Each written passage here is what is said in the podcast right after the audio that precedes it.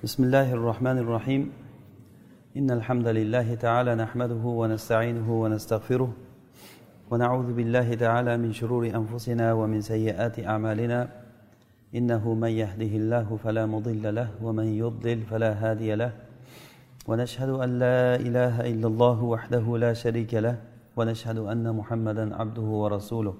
أما بعد alloh subhanava taologa hamdlar bo'lsin mana shunday majlislarga alloh taolo o'zi tavfiq berganligiga rasululloh sollallohu alayhi vasallam aytdilarki qaysiki bir qavm ollohni uylaridan bir uyda qur'onni tilovat qilib va uni dars qilib o'rganib o'tirsalar ularga sakinat ya'ni olloh tarafidan xotirjamlik tushadi va ularni rahmat o'rab oladi va ularga farishtalar tushib o'rab turadi farishtalar va hammasidan ham eng go'zali yaxshisi alloh subhanahu va taolo o'zini huzuridagi farishtalar ichida alloh taolo farishtalar ichida bu odamlar bilan faxrlanadi. Alloh taolo bu majlisimizni mana shunaqangi majlislardan qilsin. Qiyomat kunida bizni boshimizga soyamon bo'ladigan amallardan bo'lishligini alloh taolo o'zi nasib qilgan bo'lsin. Eng sharafli ilm bu ollohni taniydigan ilm bo'ladi. O'zi ilm yaxshi narsa. Ilmni ichida ham eng yaxshisi ollohni taniydigan ilm. Olloh subhanahu va taoloni tanishlikni eng yaxshi yo'li ollohni ism sifatlari orqali tanishlik. Biz mana shu mavzudan kelib chiqib alloh subhanahu va taoloni ism sifatlari bilan tanishishlikda davom etamiz. Bugungi biz o'rganadigan alloh taoloni ismi alloh taoloni al kabir ismini. Ya'ni al kabir al mutakabbir al ali val mutaal shu to'rtta ismi haqida gapiramiz degan bo'ladi. Chunki alloh subhanava taoloni al kabir ismi qur'onda oltita o'rinda kelgan bir joyda al kabirul mutaal bo'lib kelgan mutaal sifati bilan birga va qolgan beshta o'rinda al aliyul kabir birga kelgan. Biz o'tgan darslarimizda aytgandikki iqtironni foydasini ya'ni ikkita ism bir yerda birga kelishligini nima foydasi bor? Nima foydasi bor? Masalan la ilaha illallohul azimul halim. Nimaga bu yerda? Halim ismi al azim bilan birga kelyapti. Buni foydasi shu shu deb aytuvdikki chunki alloh subhanahu va taoloni halimligi haqiqiy halimlik bu ollohni azamati bilan birga. Masalan inson ojiz bo'lib turib halimlik qilishligi mumkin. U halimlik deyilmaydi. Haqiqiy halimlik azim bo'lib keyin halim bo'lishligi. Bu olloh subhanahu va taoloda mukammal komil ko'rinadi. Ya'ni ham azim alloh subhanahu va taolo hech bir narsa ollohni ojiz qoldirmaydi va yana shu bilan birga halim zot. Mana shunday halimni haqiqiy ma'nosini azimga qo'shgan paytda ko'rinadi. Xuddi shunday biz al kabirni ma'nosini qaraydigan bo'lsak qur'onda faqat qo'shilib kelgan masalan al aliyul kabir bo'lib kelgan. Beshta o'rinda al aliyul kabir. Yana bir o'rinda raat surasida al kabirul mutaal. Mutaal sifati bilan birga kelgan.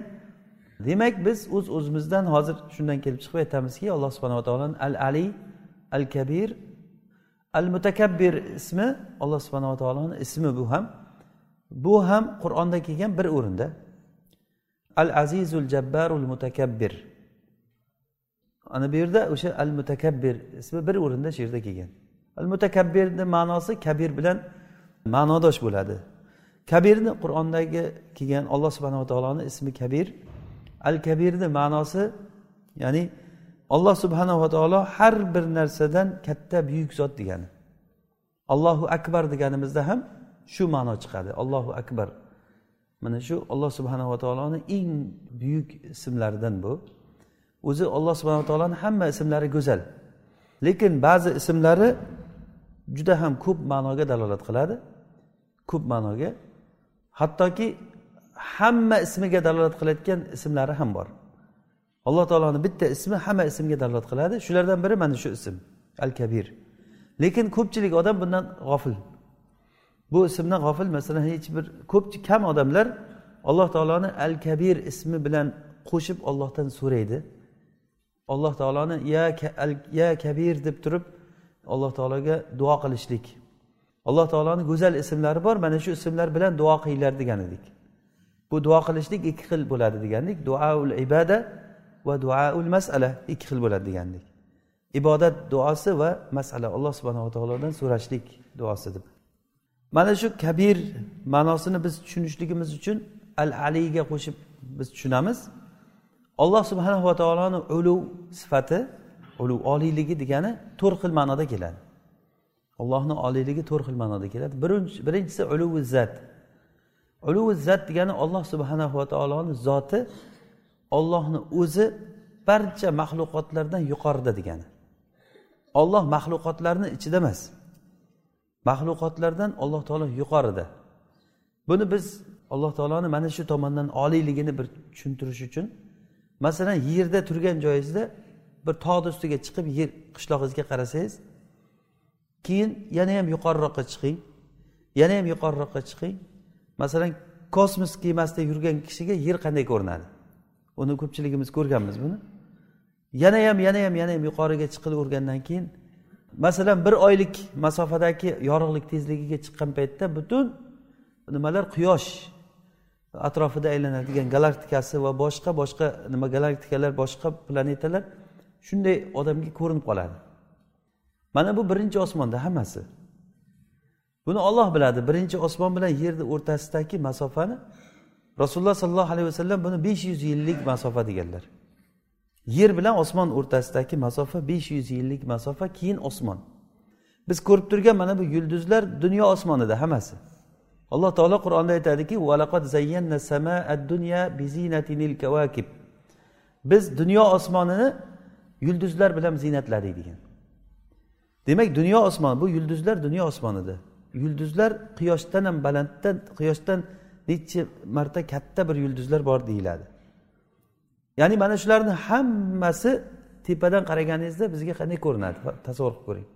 Bu osmonda osmonni tepasida osmonni qalinligi yana besh yuz yillik yo'l.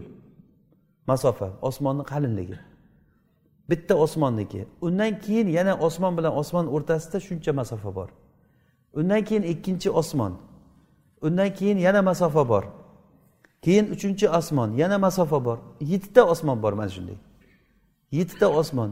Keyin yettita osmondan keyin bu yettita osmonlar hammasi alloh subhanava taoloni kursisida ollohni kursisini oldida yettita osmon va bu yerlar hammasi ollohni kursisiga nisbatan rasululloh aytganlarki xuddi bir qalqonni ustiga tashlangan dirhamlarga o'xshab qoladi deganlar. Ya'ni qalqon qalqonni ustiga tashlangan tangalarga o'xshab qoladi. A kursiy bo'ladigan bo'lsa arshni oldida xuddi bir cho'l joyiga tashlangan bitta halqa temirga o'xshaydi. Halqa degani sovutda halqalari.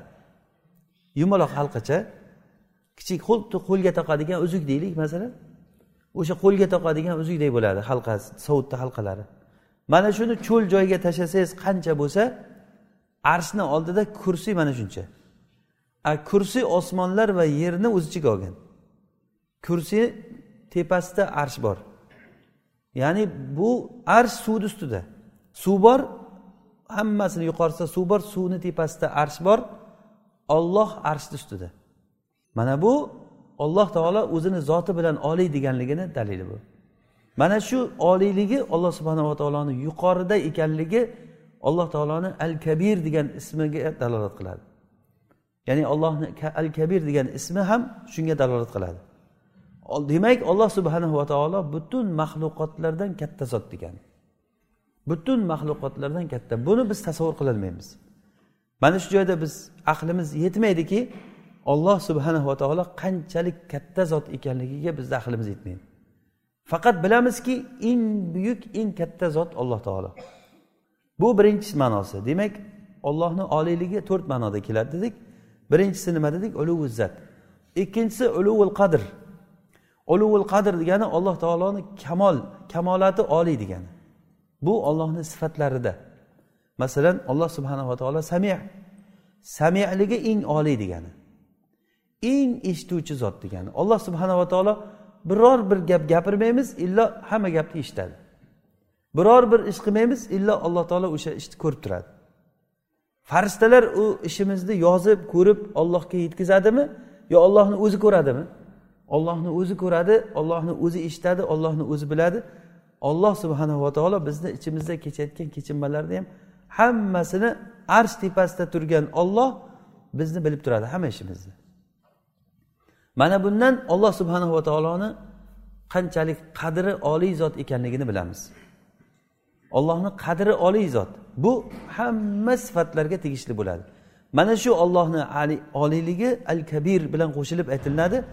Al aliyul kabir degani butun hamma sifatlarida eng oliy eng ustun zot degani. Ollohni halimligi ollohni latifligi alloh subhanava taolo g'oniy allohu malik ollohni malik sifati bor masalan malik malik va malik sifatlari uchta sifat haqida gapirgandik. Va malik bilan malikni farqini aytgan edik. Malik mulkni egasi malik degani boshqaruvchi degani. Alloh subhanava taolo boshqaruvchilikda eng komil zot degani eng oliy zot degani. Mana bu bilan oliyni ikkinchi ma'nosini tushunamizki alloh subhanava taolo qadri oliy zot degani. Tushunarlimi? Uchinchisi demak birinchisi nima bo'ldi. Uluvizzat alloh taoloni zoti oliy.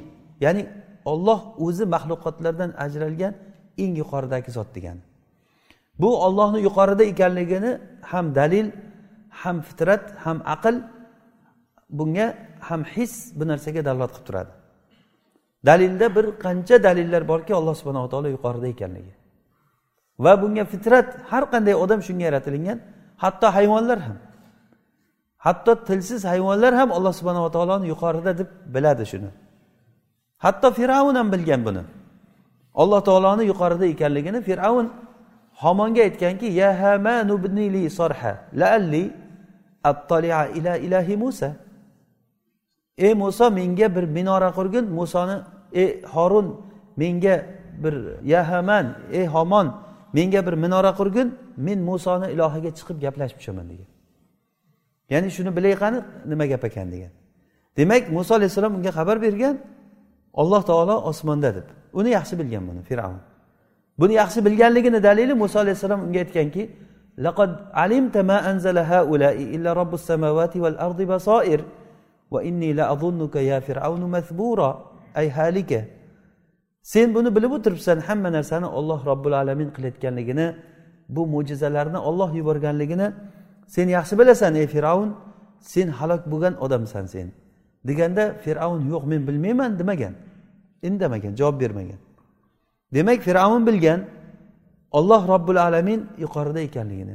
Sulaymon alayhissalom askarlari bilan yomg'ir so'rash uchun chiqqan paytlarida yomg'ir so'rash uchun askarlari bilan chiqqan paytlarida bir chumolini oyog'ini osmonlarga ko'tarib turib osmonga qarab duo qilayotganligini eshitib qoldilar sulaymon alayhissalomga alloh taolo hayvonlarni tilini shu jumladan chumolilar tilini bilardi u kishi.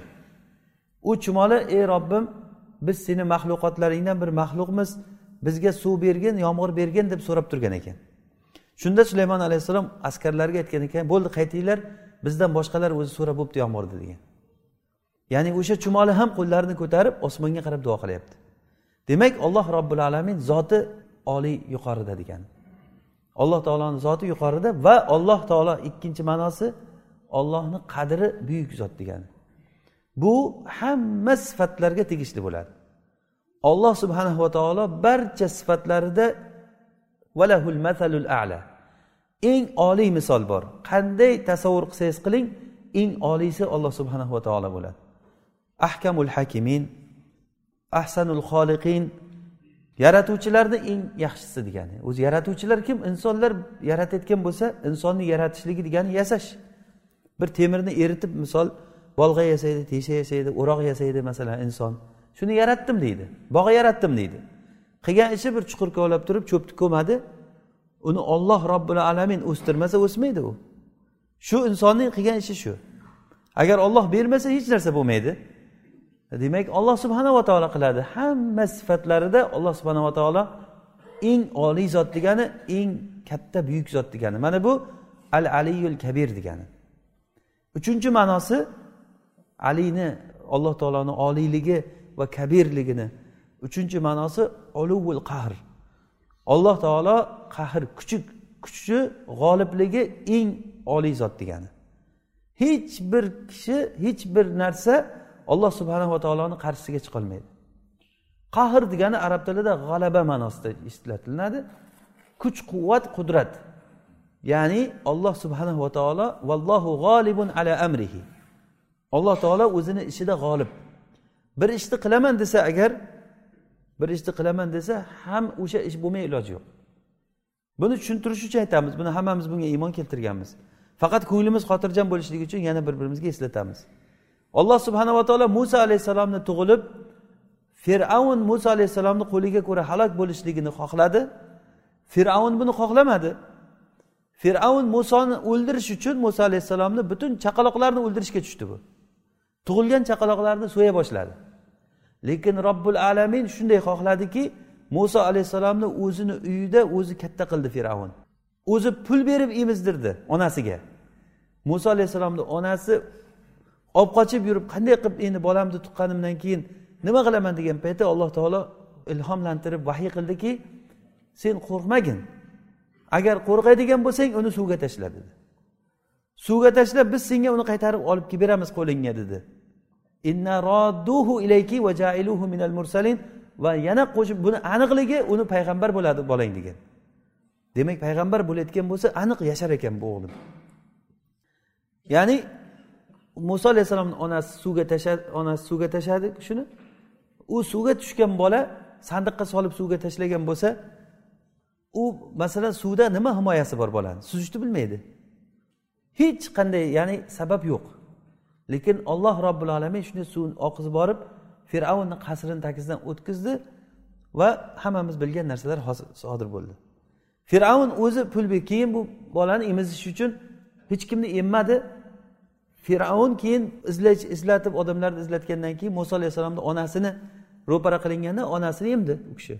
Buni emizgin sen deganda men pul bersanglar emizaman degan. Bo'ldi nima desang beramiz degan.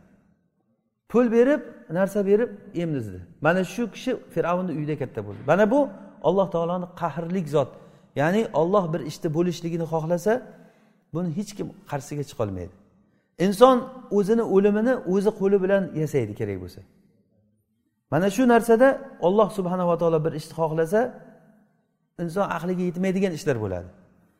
Yana xuddi shu narsani alloh taolo aytadiki vallohu g'olibun ala amrihi nasi la ya'lamun. Oyatini yusuf surasida aytganda yusuf alayhissalomni alloh taolo misrga vazir bo'lib misrni azizi bo'lishligini xohlagan edi. Bu qanday bo'lardi? Bizni aqlimizga to'g'ri kelmaydi buni. Uni borishligi uchun bu kishi quduqqa tashlandi qamoqqa tashlandi. Keyin shunday qamoqdan chiqib turib misrga katta bo'ldi. Olloh o'zi g'olib. Demak alloh subhanava taoloni oliyligini ma'nosi uluvul qahr degani alloh taolo oliy. Mana bu aliyul kabirni ma'nosi uchinchi ma'nosi. To'rtinchi ma'nosi kabir al mutaal ya'ni biz oliyni mana shu kabirul mutaal degan ismdan tushunamiz. Mutaal degani mutaal degani har qanday yomon xislatlardan yomonliklardan o'zini buyuk tutuvchi degan. Demak alloh subhanava taolo zulmdan o'zini buyuk tutuvchi zot. Alloh taolo sheriklardan o'zini buyuk tutuvchi zot. Alloh taolo aytar ekanki ana ag'na shurakai ani shirkibi man amila amalan ashraka fihi g'ayri taraktuhu va shirkahu. Men sheriklarni boyrog'iman. Kim agar bir amal qilib o'sha amalida menga boshqani sherik qilib qilsa uni amali menga kerak emas shirk o'sha sherikka tashlab qo'yaman men degan. Mana bu alloh taoloni oliyligidan kabirligidan. Ollohga sherik kerak emas. Sherikchilik agar yuzga bir nisbatda aytgan bo'lsak tushuntirish uchun aytamiz buni. Agar to'qson to'qqiz foiz olloh uchun bo'lib bir foiz ollohdan boshqa uchun qo'shilsa ollohga kerak emas u narsa. Chunki olloh aliyul kabir al mutaal bo'lgan zot. Olloh oliy bo'lganligi uchun ham kabir bo'lganligi uchun ham mutaal bo'lganligi uchun ham o'ziga o'zi zulmni harom qildi. Ya ibadi inni harramtu zulma ala nafsi fajaaltuhu baynakum muharraman fala tazzolamu ey bandalarim rasululloh sallallohu alayhi vasallam hadis qudusiyda abu zarni hadisi ey bandalarim men zulmni o'zimga o'zim harom qildim va sizlar ichlaringda ham zulmni harom qildim. Sizlar bir birlaringga zulm qilmanglar dedi. Demak alloh subhanahu va taolo zulmni o'ziga harom qilganligi bu mutaal kabir sifatidan bu. Har qanday sifatlardan mana shunaqangi xulqlardan mana shunaqangi narsalardan olloh oliy noqisliklardan alloh taolo oliyzod hattoki o'zidan farzandni nafiy qildi. Ollohni farzandi yo'q valam yakullahu kufuvan ahad. Ya'ni lam yalid valam yulad. Alloh taoloni farzandi yo'q alloh taoloni jufti yo'q alloh taoloni jufti yo'q hattoki alloh subhanahu va taoloni sherigi ham yo'q hatto maslahatchisi ham yo'q va undan ham ko'ra nozikrog'i ollohni oldida biror kishini gapi o'tmaydi ham hatto farishta bo'lsa ham وكم من ملك في السماوات وفي الأرض وكم من ملك في السماوات لا تغني شفاعتهم شيئا إلا من بعد أن يأذن الله لمن يشاء ويرضى qancha qancha farishtalar borki ular ollohdan qo'rqib turadi ular. Ollohdan qo'rq gapirolmaydi ollohni oldida. Ya'ni farishtalar gunohi yo'q bo'lmasa lekin olloh robbil alaminni oldida gapirolmaydi ular. Inshaalloh biz navvos ibn samanni bir hadisini darsimiz davomida aytamiz buni. Demak mana shu to'rtta ma'noni biz agar yaxshi tushunadigan bo'lsak aliyul kabirni ma'nosini yaxshi anglab bilamiz. Yana takrorlaymiz. alloh taoloni oliyligi to'rt ma'noda keladi birinchisi uluvu zat alloh taolo butun maxluqotlardan ajralgan maxluqotlar ichida emas alloh taolo lekin maxluqotlar ichida bo'layotgan har bir narsani alloh taolo biror bir narsa bo'lmas o'shani bilib turadi biror bir daraxtni bargi tushsa ollohni ilmi bilan tushadi ma tasqutu min varaqatin illa ya'lamuha ولا حبة في ظلمات الأرض biror bir daraxtni bargi tushmaydi va birorta bir don yerda ko'karmaydi. Na ho'l na quruq bir narsa yo'qki illo olloh subhanava taoloni ilmi bilan bo'ladi bu. Demak olloh subhanava taolo mana shunday alim bo'lgan kabir bo'lgan buyuk bo'lgan zot. Biz mana shu zotga ibodat qilamiz. Valillahil hamd. Alloh taolo o'zini bizga tanitib qo'ydi. Olloh robbul alamin butun olamlarni egasi u kabirul mutaal al ali bo'lgan zot. Ali degani al aliyul kabir. To'rtta ma'nosi. Demak birinchisi ulug' izzat ikkinchisi uluvul qadr. Uluvul qadr bu uluvu shan deb ham aytilinadi. Alloh subhanava taolo ulug'u sifa. Sifati oliy ya'ni hamma sifatlarda oliylik egasi. Ollohni qadri buyuk zot. Uchinchisi uluvul qahr alloh taolo g'alaba qilishlikda kuchda eng kuchli zot. Ollohni oldiga hech narsa tusholmaydi. La yujizuhu shayun fis samavati vala fil ard. Alloh taoloni osmonlar va yerda hech bir narsa ojiz qoldirilmaydi. Ollohni mulkidan kim qochib keta oladi? Kim ollohga qarshilik qila oladi? Hech kim qarshilik qila olmaydi. Bu ulug'ul qahr. To'rtinchisi alloh taolo har qanday har qanday noqislik va ayblardan o'zini yuqori tutadigan zot. hatto ollohni kabir mutaal kibriyo sohibi ekanligi alloh taolo kibriyo egasi deyiladi kibriyo sifati bor azomat sifati bor alloh taoloni mana shu sifatlaridandir alloh taolo odamlarni halok qilishlik uchun arzimagan narsalarni yuboradi وما أنزلنا على قومه من بعده من جند من السماء وما كنا منزلين mana yosin surasida hammamiz o'qiymiz alloh taolo bir qishloq ahlini bizga hikoya qilib bergan. Ularga qishloq ahliga alloh taolo payg'ambarlar yuborgan ular yolg'onchi degan uchinchisini yuborgan ikkita yuborgandan keyin odamlar yolg'onchi degan uchinchi payg'ambar kelgan ular payg'ambarmiz degan ularni yolg'onchi deb turganda qishloqni bir chekka tarafidan bir kishi shoshilib kelib qolib o'shani hikoyasini alloh taolo bizga aytib bergan ey qavmim bular sizdan bular pul so'ragan bo'lmasa nega iymon keltirmaysizlar bularga? Deb da'vat qilib turganda u odamni o'ldirgan bu xalqi. Ollohga da'vat qilib kelgan odamni o'ldirgan. Mana o'shandan keyin uni o'ldirgandan keyin alloh taolo aytyaptiki buni qavmiga bu jinoyatchi qavmga biz undan keyin askar yubormadik. Askar yubormaymiz ham chunki ular askar yuborishlikka arzimaydi. Mana bu alloh taoloni kabir sifatidan. Nima qildi alloh taolo?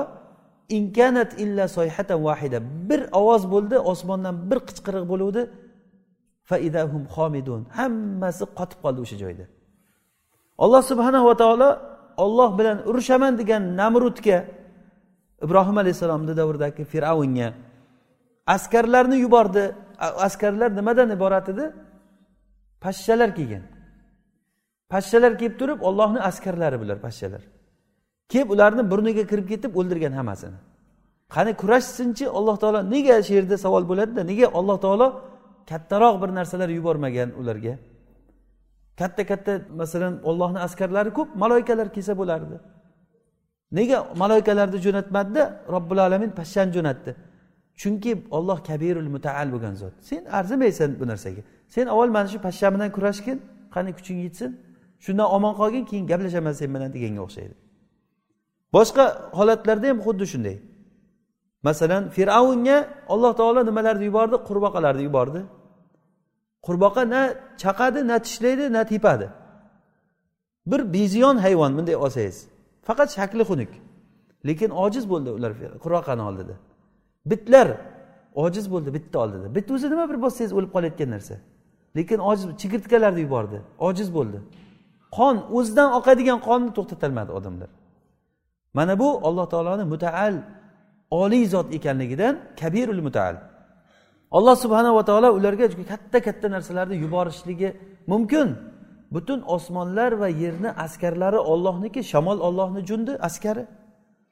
Issiqlik sovuqlik bor ollohni askari qancha maloikalar bor. Valillahi junudus samavati val ard.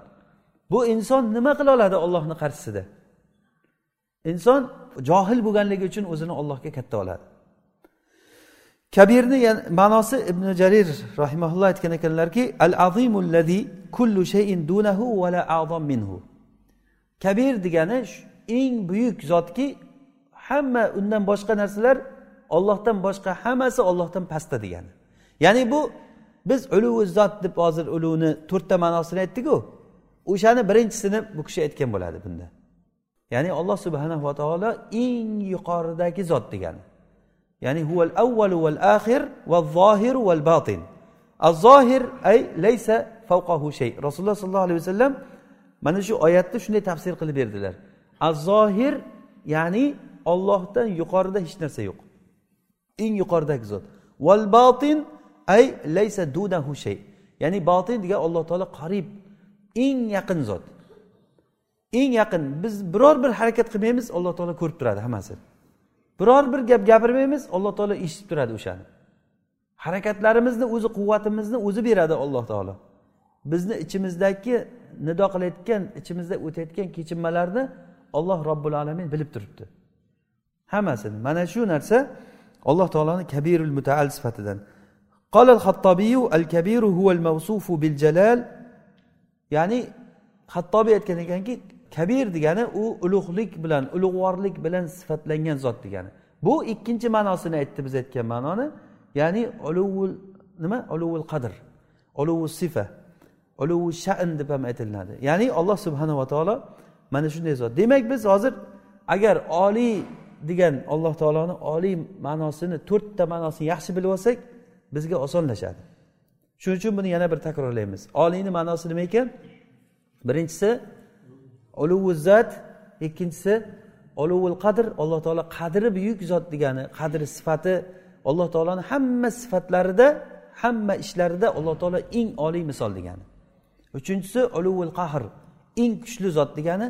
To'rtinchisi uluv ma'nosi nima? Mutaal kabirul mutaaldan chiqqan. Alloh taolo har qanday noqisliklardan har qanday ishlardan o'zini yuqori tutadigan zot degani. Shu jumladan o'ziga o'zi zulmni harom qildi. Shu jumladan alloh subhanava taolo sheriklarni o'zidan yo'q qildi. Hatto farzandni ham yo'q qildi. Alloh taoloni farzandi ham yo'q sherigi ham yo'q. Vahidul ahad bo'lgan kabirul mutaal bo'lgan zot.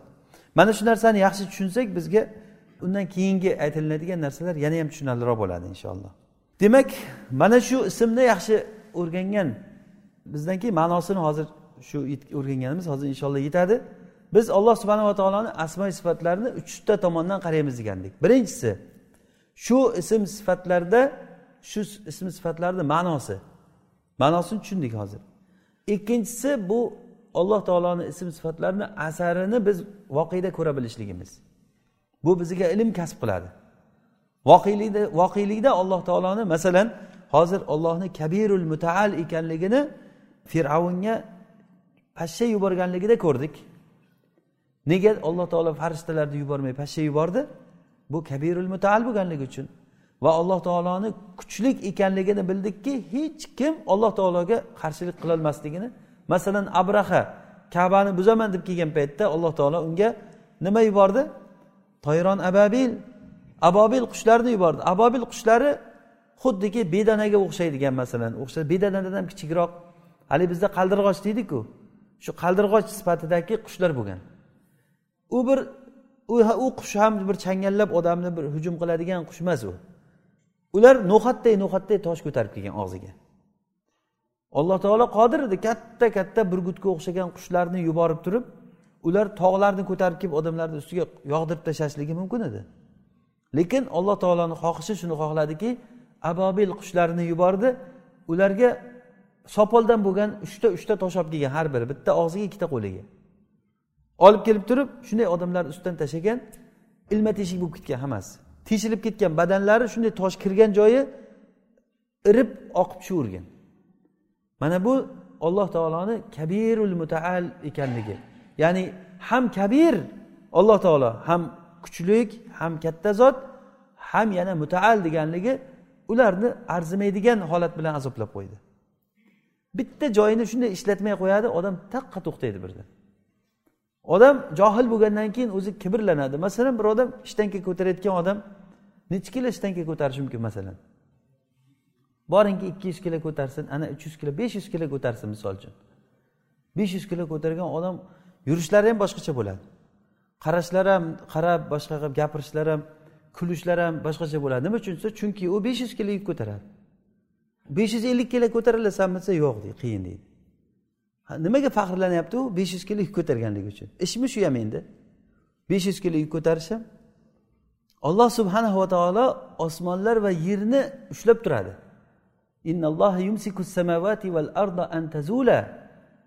Alloh taolo osmonlar va yerni ushlab turadi. Yer osmon siz tasavvur qilasizmi bu narsani kattaligini? Siz bilasizmi ollohni qancha buyukligini?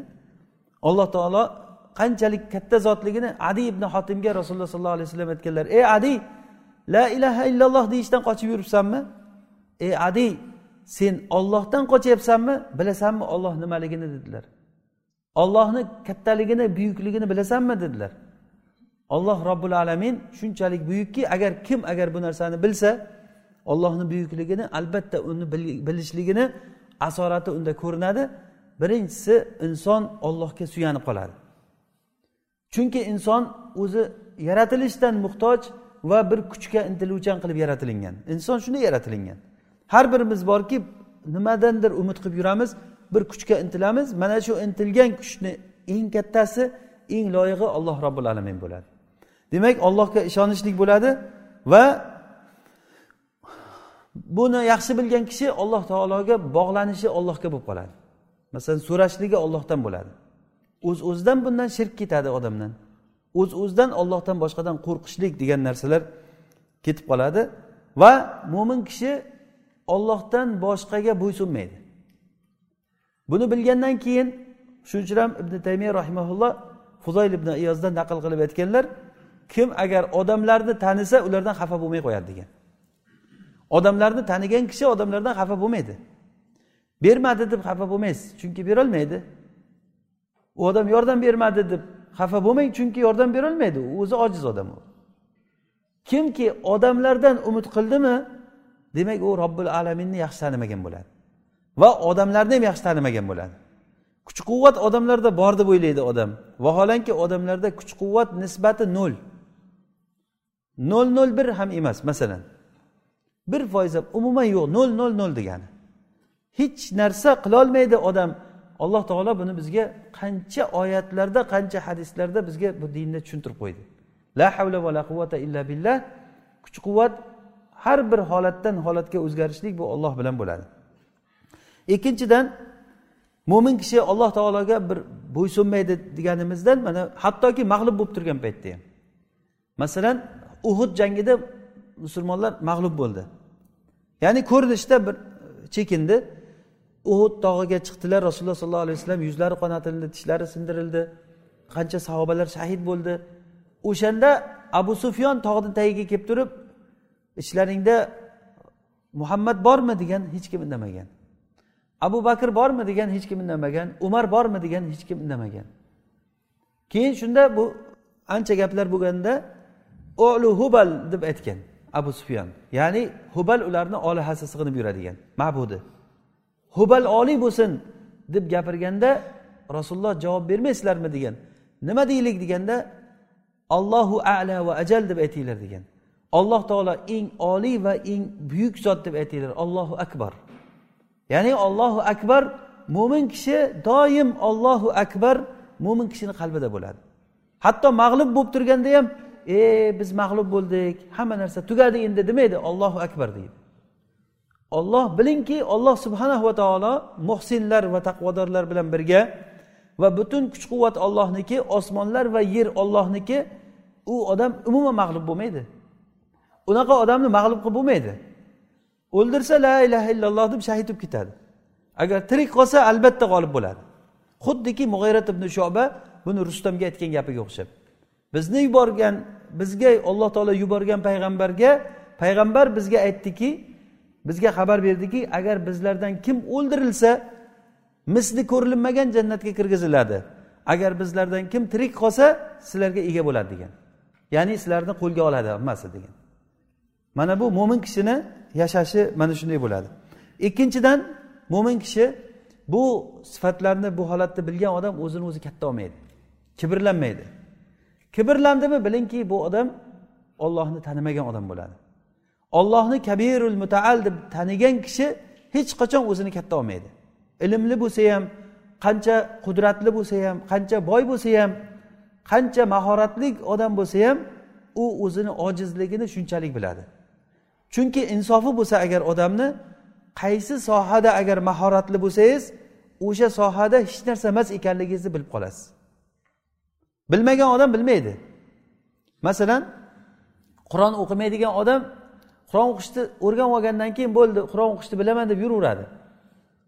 Lekin qur'on ilmiga kirishsa ey he shuncha narsani o'qishimiz kerakmi? Uni o'qigan odamlarni ko'rib turib hayron qolasizki masalan qancha olimlar qancha kitoblar yozgan qancha ishlar qilgan ana o'shanda odam o'zini ojizligini bilib qoladi. Demak xullas kibrlanmaydi. Keyin kibrlanishlik bu eng qattiq azobga sabab bo'layotgan narsa. Kibrlanishlik bu eng qattiq azobga sabab bo'layotgan narsa. Masalan alloh taolo aytadiki bima kuntum tastakbiruna fil ardi big'ayril haqqi va bima kuntum tafsiqun qiyomat kuni kofirlarga aytiladiki sizlar bu xorlik azobi bilan jazolanasizlar yerda kibrlanganliklaring uchun. Yerda haqsiz kibrlanganliklaring uchun. Yoki alloh taolo aytadiki alaysa fi jahannama masvan lil mutakabbirin. Jahannamda mutakabbirlar uchun joy yo'qmi degan. Ya'ni alohida joy ajratib qo'yilgan. Bu joy ularga ya'ni oldindan biron qilingan deganga o'xshaydi. Xuddiki o'sha joy mutakabbirlarni o'rni bo'ladi billah. Innahum kanu idza qila lahum la ilaha illalloh yastakbirun. Ularga agar ollohdan boshqa ma'bud yo'q yakka ollohga ibodat qilinglar desa o'zlarini o'zlari katta olishardi ular. Ular aytishardiki biz senga iymon keltiramizmi? Nuh alayhissalomga ham aytgan bu gaplarini senga bari yalang oyoqlar iymon keltirgan bo'lsa deydi. Go'yoki ular yalang oyoqlar iymon keltirgan narsaga bular iymon keltirmaslik kerak. Mana shu kibrlanishliklari ularni boshini yegan keyin kimki agar kibrlanadigan bo'lsa u shaytonga o'xshash bo'ladi. Chunki shaytonni nima boshini yedi? illa iblisa aba vastakbar.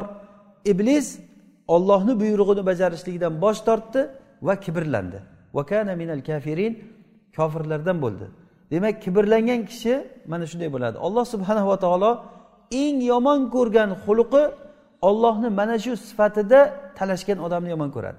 Hadis qudusiyda rasululloh sollallohu alayhi vasallam ollohdan rivoyat qilib aytadiki qolallohu taala innal kibriya ridai val azamata izari. Va man nazaani vahidan azzabtuhu. Abu davud va ibn majah rivoyat qilgan hadisda rasululloh sollallohu alayhi vasallam aytadilar bu hadis qudusiy. Kibriyo sifati meni ridom.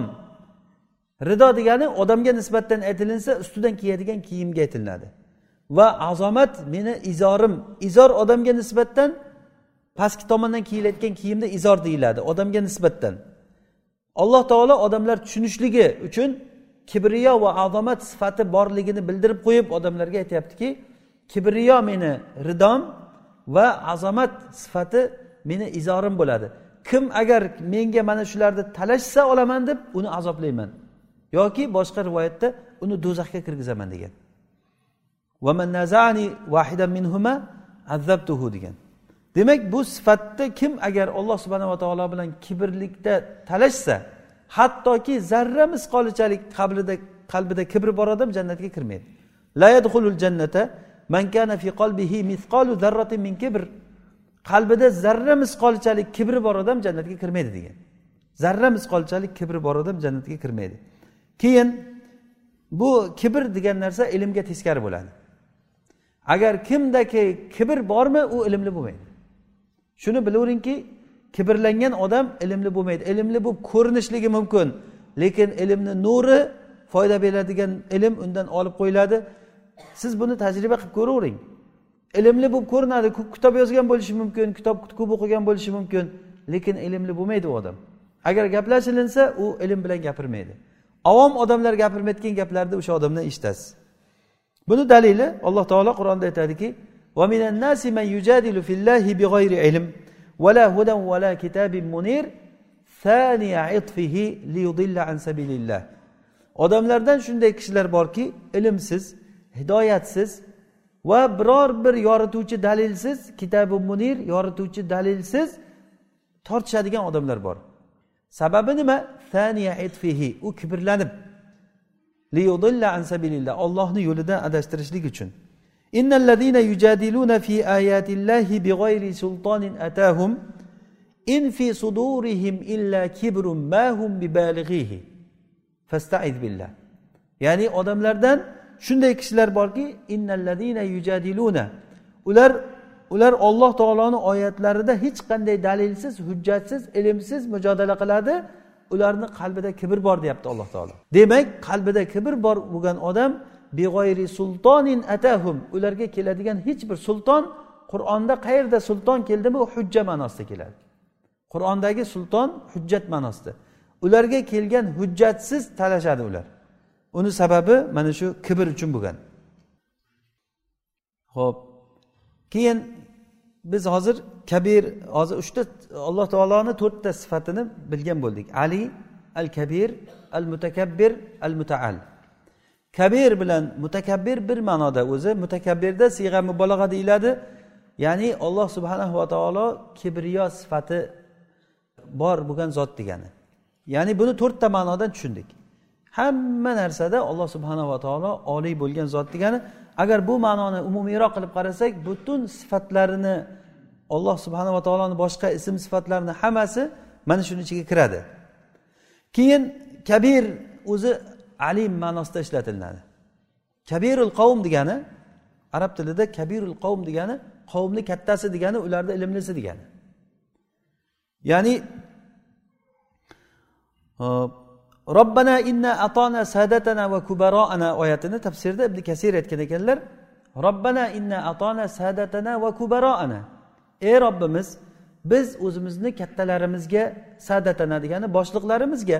Shuni ibn kasir mufassirlardan naql qilib aytdilarki sadatana degani ay bu sadatana degani qoidlari ularni umarolari boshliqlari va kubaro ana degani ay ulama ana degan.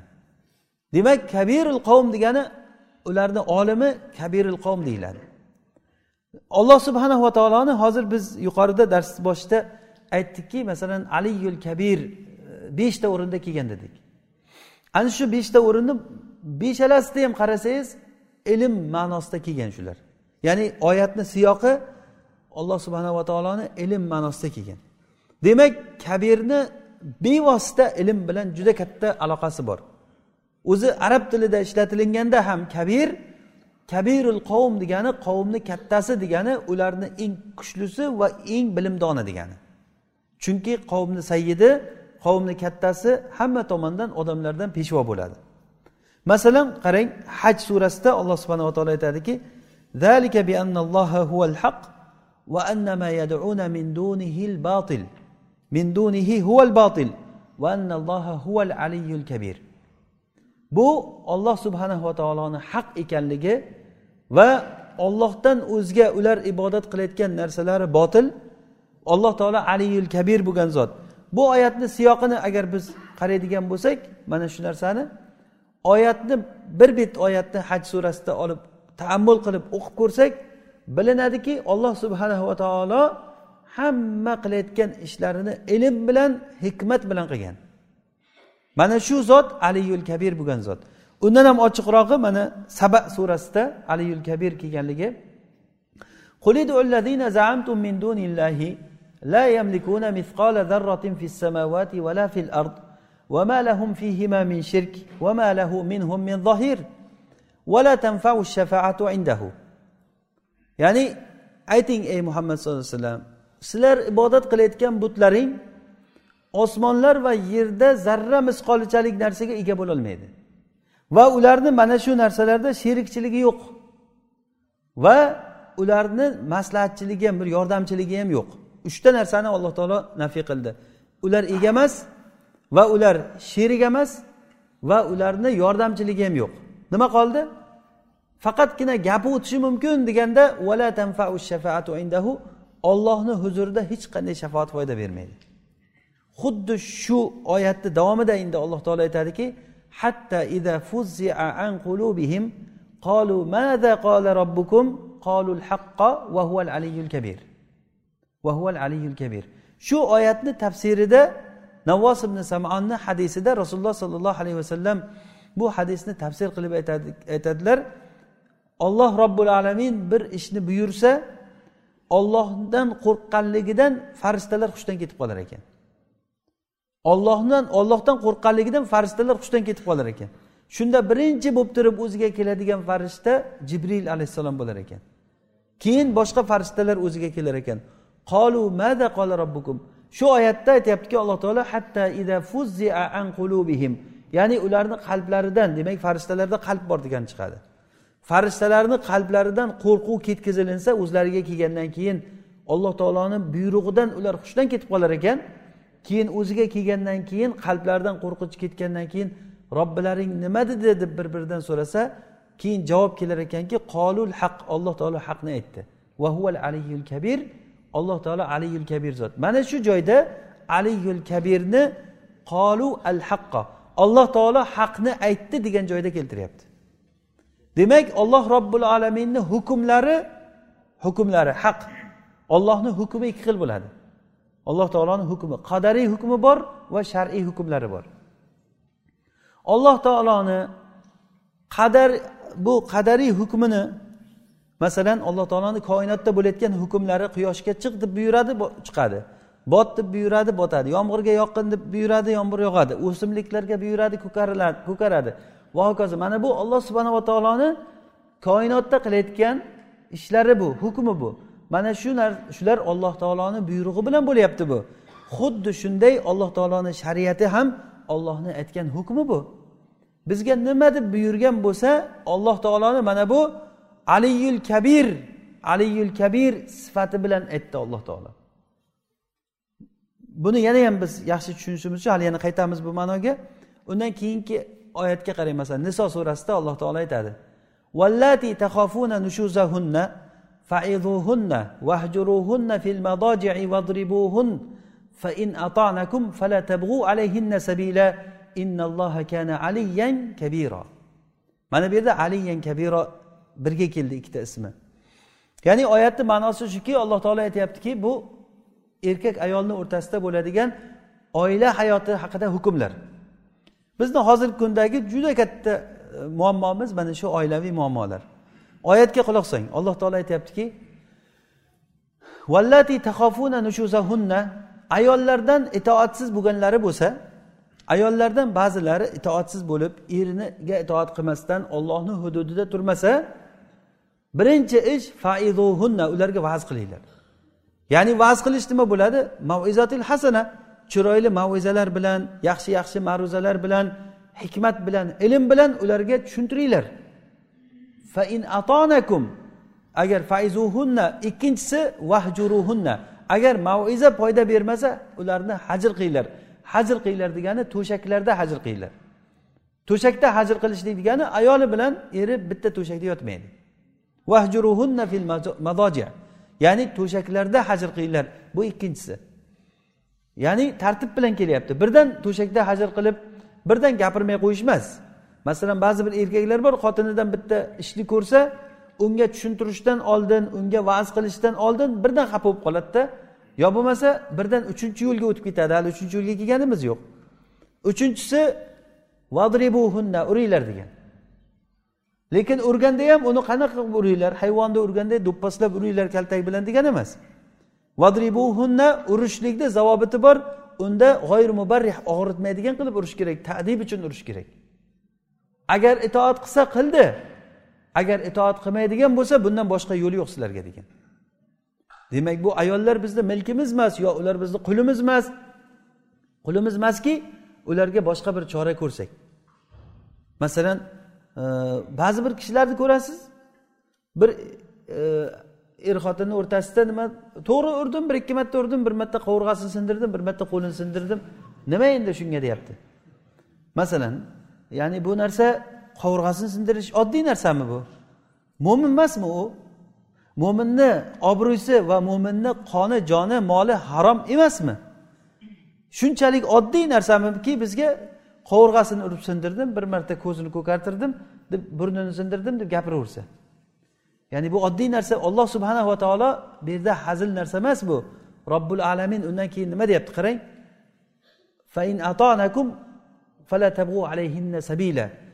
Agar sizlarga itoat qilayotgan bo'lsa ularga boshqa bir yo'l tutmanglar. Innalloha kana aliyan kabiro bilib qo'yinglarki alloh taolo ali kabir bo'lgan zot. Nega shu yerda ali kabir ismini keltiryapti? Chunki kim alloh taoloni aliyul kabir deb bilsa qo'rqadi. Men bitta misol keltiray. Masalan siz masalan g'arb davlatida yashayapsiz. Masalan amerikada yoki bo'lmasa bir g'arbda yashayapsiz. O'sha g'arbda yashayotganingizda ayollarni huquqi qattiq himoyalangan joy bo'lsa agar ursangiz bitta telefon qilsa o'sha joyda sizni olib ketib qamab qo'yadi. Shunaqa emasmi hozir g'arb hayoti? Nima uchun ayollar erdan qo'rqmaydi? Chunki ularni himoya qilib turgan davlat ularni himoya qilib turgan davlat ularni yaxshi kuchli davlat u davlatga kuchingiz yetmaydi har qancha zo'ravon bo'lib har qancha sportsmen bo'lsangiz ham kuchli bo'lsangiz ham keladi polis keladi olib ketadi qamab qo'yadi olib borib. Olloh taoloni kuchi qanday endi? Olloh bilib qo'yinglarki olloh aliyun kabir bo'lgan zot uni orqasida olloh turibdi degani agarda buni bu uchta narsadan o'tmanglar degani. Alloh taolo aytyaptiki bundan keyin o'tmanglar. Agar o'tsanglar olloh taolo hakim zot alloh taolo alim zot demayapti. Mana shu aliyun kabir shu joyda kelyapti. Chunki u ayolni orqasida uni valisi olloh bo'lib turibdi degani. Agar biz bir ayolni agar qarindoshlari kuchliroq bir odamlar ekanligini ya'ni kuchliroq deganligimiz voqeda odamlarga kuchli bo'lib ko'rinadigan aytaylik bir vazirni qizi yoki vazirni jiyani sizga xotin bo'lib tushdi masalan. Urib qovurg'asini sindirib ko'ringchi. Nima bo'ladi? Umuman unda unda yo'l yo'q. Hattoki bir og'iz yomon gapirolmaysiz u xotinga. Nega yomon gapirolmaysiz? Chuni uni orqasi baquvvat uni. Uni orqasi boq uni bilyapsiz demak orqasida vazir turibdi buni. Akalari bor qarindoshi bor. Uni kuchli akalari borligi uchun hech narsa qilolmayapsiz alloh taolo bildirib qo'yyaptiki mo'minlarga agar shunday qilsanglar bilinglarki uni orqasida olloh turibdi. Qaysi sifatdagi? Aliyun kabir bo'lgan olloh turibdi degan. Aliyul kabir bo'lgan zotni hozir biz to'rtta sifati bilan to'rtta tushuncha bilan aytdik buni. Demak mana shunday zotniki bu. Endi oldingi e, oyatga qaytamiz biz e, saba surasidagi. Mada qola robbukum farishtalar aytadiki hushidan ketib qolgan farishtalar olloh robbil alaminni gapini eshitib hushidan ketib qolgan farishtalar nimaga hushidan ketib qoldi? Ollohni bitta hukmni buyurgan paytda qo'rqqandan hushidan ketib qoldi. Nimani buyurdi ekan? Nimaga buyurdi ekan? deb. Bu shunday zotni buyrug'iki bu. Alloh taolo aytadiki lav anzalna hadal qur'ana ala jabalin laroaytahu khoshian mutasaddian min khashyatillah agar biz bu qur'onni agar tog'larga tushirganimizda edi bu tog'larni ollohdan qo'rqqanligidan parcha parcha bo'lib ketganligini ko'rarding bilasizmi olloh robbil alamin qanday zotligini? Ollohni hukmi bu shariat bu. Mana shu shariatni bitta hukmini eshitib farishtalar hushdan ketib qolar ekan. Nima uchun bunchalik ular robbil alaminni aliyul kabirni taniganligi uchun? O'sha uchun ham mada qola robbukum deb aytyapti. Qolul haqqo deb javob olgandan keyin vahuval aliyul kabir deyapti. Olloh aliyul kabir bo'lgan zot. Demak bizni mana shu shariatimiz hozir bizni qo'limizdagi shariat aliyul kabir bo'lgan zotni shariati bu oddiy narsa emas bu. Buni xohlasak olib xohlamasak tashlab ketayotgan narsa emas bu.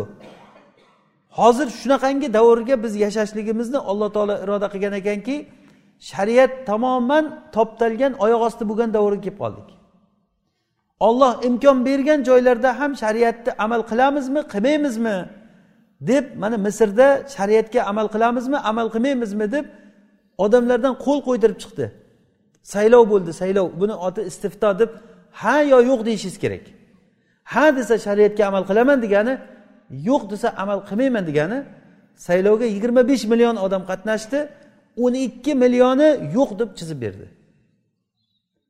O'sha yo'q shariatga amal qilmaymiz degan odamlar ollohni rizqini yeydi ollohni mulkida yashaydi olloh taolodan hojatlarini so'raydi shariatga kelgan paytda yo'q deydi. Tamom shariatga amal qilmaymiz deydi. Nega bunchalik biz shaytonga ibodat qilib ketdikki odamlar hamma narsada nima bo'lsa bo'lsin shariatga amal qilmaylik deyildi. Hattoki bu narsa e, televizorlarda ko'chalarda hatto masjidlarda jomiy masjidlarda juma o'qib turgan joyingizda xatib chiqib shunday gaplarni gapiryaptiki agar unga bir og'iz inkor qilgan odam o'sha joyda kofir bo'ladi. Ya'ni musallam bo'lgan zaruriy narsalarni dinda musulmon odam hamma tan olgan narsalarni gapirib turganda sen nega siyosatni bu yerga aralashtiryapsan deb odamlar baqiradi pastda turib. ana shu odamlar alloh taoloni aliyil kabir ekanligini bilmagan odamlar bular alloh taoloni aliyil kabirligini masalan biz alloh taoloni robb deb rozi bo'lamiz iymon من رضي بالله ربا وبالإسلام دينا وبمحمد صلى الله عليه وسلم نبيا ورسولا ta iymon ta'mini tatgan odam kim ollohni rob deb rozi bo'lgan odam Biz ollohni aliyul kabir rob deb rozi bo'lgan odamlar tilida rob deb qo'ygan odam. U hamma aytishi mumkin bu narsani. Va boshqa xuddi shu hadisni boshqa yo'lida keladi. Kimki agar ollohni rob deb rozi bo'lsa va dinini islom deb rozi bo'lsa muhammad sollallohu alayhi vasallamni payg'ambar deb rozi bo'lsa jannatga kiradi degan. Shunchalik osonmi jannatga kirishlik? Olloh yaratgan olloh o'zi rizq beryapti deb qo'yishlik abu jahl ham aytardi bu gapni. Nega abu jahllar bunga qarshi chiqdi? Ollohni hukmi yerda bo'lmasin deb qarshi chiqdi.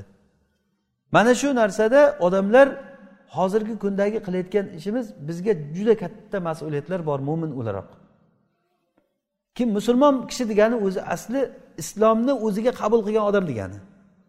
Islom bu olloh taoloni shariati degani. islom olloh subhanava taoloni shariati bu. Mana shu shariatni men oldim degani.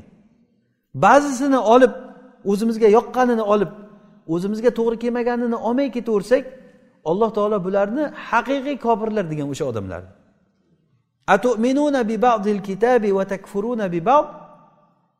Mana buni shu va yaquluna bular aytadiki nu'minu bi ba'din va nakfuru bi ba'din va yaquluna ويريدون أن يتخذوا بين ذلك سبيلا أولئك هم الكافرون حقا ular ba'zisini olamiz ba'zisini olmaymiz deydigan odamlar haqiqiy kofirlar degan demak bizga buyurilgan narsa udhulu fissilmi kaffa biz shariatni tamomiy olishimiz kerak hozir mana shu oyatda saba surasida agar tafsirini oling o'qib ko'ring mana shu oyatlarni farishtalar olloh nima dedi desa qolul haq olloh haqni aytdi bu shariat ollohni haq kalimasi bu.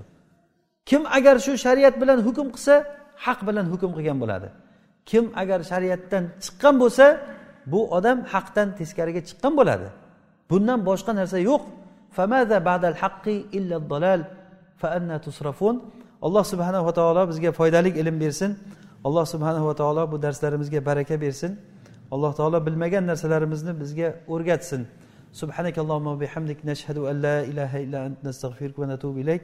صلى اللهم وبارك على عبدك ونبيك محمد عليه الصلاة والسلام.